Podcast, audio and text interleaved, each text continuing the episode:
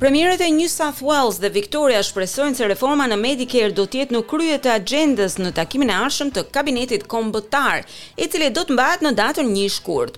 Ka thirrje nga premierët dhe organet më të larta shëndetësore për të rimëkëmbur sistemin e Medicare e për t'i bërë takimet me mjekët më të përballueshme për popullatën.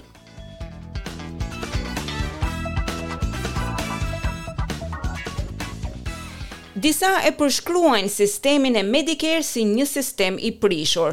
Kjo është dhe një shtytje për qeverinë federale për ta riparuar menjëherë këtë sistem dhe për ta bërë përparësi kryesore në takimin e kabinetit muajin e ardhshëm. Premieri i New South Wales, Dominic Perrottet dhe premieri i Victorias, Daniel Andrews, i kanë bërë thirrje qeverisë Albanese që të sigurojë akses më të madh tek mjekët e përgjithshëm, të japë kujdes pa pagesë, si dhe të rregullojë zbritjet e Medicare, për të vazhduar kështu një kujdes shëndetësor për pacientët në kosto minimale.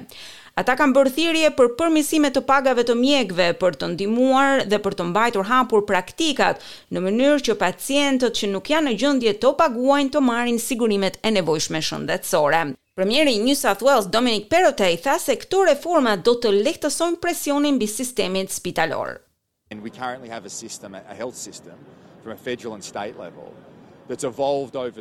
Kemi një sistem shëndetësor në nivelin federal dhe një tjetër në sistemin shtetëror, të cilët kanë evoluar me kalimin e kohës dhe kanë punuar kundër njëri-tjetrit dhe jo përkrah njëri-tjetrit. Kemi një sistem ku shumë njerëz, pavarësisht se vuajnë nga probleme shëndetësore të kategorisë së katërt ose të pestë, nuk janë në gjendje të takohen me mjekun e përgjithshëm.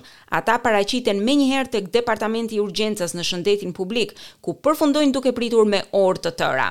Kemi një mundësi reale që të dalim nga një pandemi që ndodh një herë në njëqind vite, për të reformuar menjëherë sistemin shëndetësor. Ministri federal i Shëndetësisë, Mark Butler, thotë se bërja e reformës në Medicare është një diskutim prioritet brenda kabinetit kombëtar.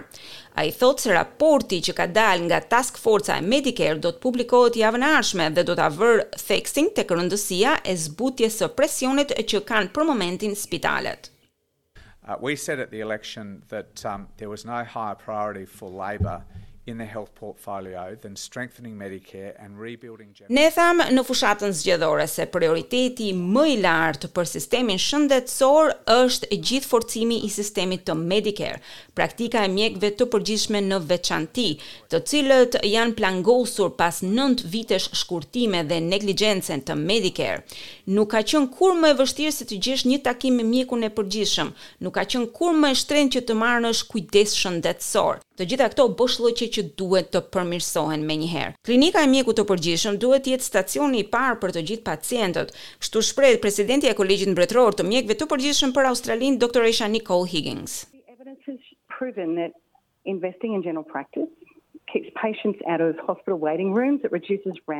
Provat kanë vërtetuar se të investosh në klinikat e përgjithshme do të thotë që t'i mbash pacientët jashtë dhomave të pritjes të spitaleve, zvogëlon rritjen dhe redukton listën e pritjes.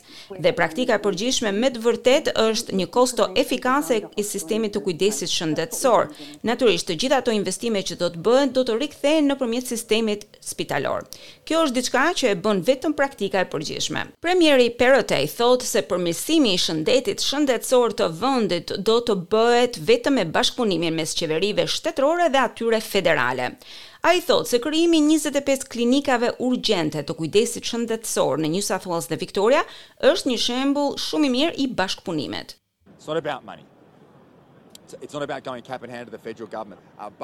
Nuk ka të bëjë me paratë, nuk ka të bëjë me ne që i lutemi qeverisë federale për të holla. Kemi një moment unik gjatë këtij viti, kemi mundësinë të bashkëpunojmë me premierët dhe kryeministrin, me ministrin e Shëndetësisë për të rregulluar një herë e përgjithmonë sistemin kombëtar shëndetësor. në mënyrë që njerëzit të jenë në gjendje të takohen me mjekun e përgjithshëm, të marrin një sistem shëndetësor publik që funksionon së bashku me rrjetin e kujdesit parësor dhe jo kundër tij. Për momentin ndryshimi që duam të ndodhë do të jetë ky, nëse duam që sistemi ynë shëndetësor të jetë më i miri në botë. Sipas Shoqatës së Pacientëve, pesëdhjetë e tre për qind e pacientëve i shtyjnë takimet ose nuk janë në gjendje të takohen me mjekun e përgjithshëm, ndërkohë që shtatëdhjetë e gjashtë për qind thanë se e kanë shumë të nevojshëm kujdesin e mjekut të përgjithshëm. Gjithashtu, pacientët shprehen se shpenzimet janë faktori kryesor që i pengon vizitat e tyre. Shoqata ka bërë thirrje për më shumë zbritje nga Medicare për të ulur kostot e faturimit në masë e për t'i bërë shërbimet e mjekëve të përgjithshëm të përballueshme për popullatën. Një sistem i fortë shëndetësor do të thotë që pacientët nuk i shmangin vizitat, bëjnë kontrolle të rregullta, janë në gjendje të parandalojnë sëmundjet që në fazat e tyre të hershme, nuk presin që të shtrohen në spital. Nuk presin që të shkojnë tek dentisti kur gjërat kanë përfunduar, janë në formë dhe janë të shëndetshëm. Të presësh derisa të shkosh në spital apo të thërrasësh ambulancën do të thotë se gjithçka ka mbaruar. Përmirësimi i trajnimit të mjekëve, mbulimi i kostove të tarifave të kualifikimit, është një tjetër propozim nga organet shëndetësore. Vetëm dymbëdhjetë për qind e studentëve të mjekësisë që dalin nga universiteti bëhen mjekë të përgjithshëm, duke kontribuar në mungesat kryesore në këtë drejtim. Doktoresha Higgins thotë se tarifat e kushtueshme të trajnimit dhe të universiteteve kërkojnë subvencionimin e qeverisë. Fifty percent of our workforce comes from doctors who've done their initial training overseas. To become a GP though, that that's a further three or four years and Pesëdhjetë për qind e fuqisë sonë punëtore në fushën e mjekësisë vjen nga mjekë të cilët e kanë kryer studimin e tyre universitar jashtë vendit. Për t'u bërë mjekë të përgjithshëm, ata kanë nevojë për tre ose katër vite të tjera trajnimi. Ata duhet të punojnë në zona rurale apo rajonale, duhet të kualifikohen si mjekë të përgjithshëm. Duhet të paguajnë deri në dyzet mijë dollarë për ta bërë këtë. Nëse qeveria federale do të ndihmonte duke i mbështetur, do të ndihmonte në financimin e këtyre mjekëve, atëherë do të kishim një komunitet më të gjerë mjekësh deri tani. Shoqata Australiane e Pacientëve propozon që të përdoren më shumë shërbimet shëndetësore për të lehtësuar barrën në sistemin spitalor. E ndërsa ka rëndësi që të investohet në sistemin e trajtimit të sëmundjeve, ka më shumë rëndësi, thotë zoti Mason, që të investohet në parandalimin e tyre. E ndërkohë, ministri thotë se australianët nuk duhet të presin një zgjidhje të shpejtë të problemit. I've said publicly and we've talked very frankly about this within the Strengthening Medicare Task Force that that this is not going to be E kam thënë publikisht dhe kemi diskutuar shumë sinqerisht në grupin e punës për Medicare, nuk është diçka e thjeshtë. Do të kërkojë një përpjekje afatgjatë, por të vendosur. Mendoj se çdo palë e interesuar brenda këtij sistemi, grupet e pacientëve, grupet e mjekëve, grupet e infermierëve, ekspertët akademikë, të gjithë janë dakord me këtë. Kjo do të kërkojë një përpjekje të vendosur afatgjatë, jo vetëm vendime të vështira në buxhet. Dhe qeveria jonë, e sigurisht unë si ministër i Shëndetësisë, jam i përkushtuar për ta bërë këtë.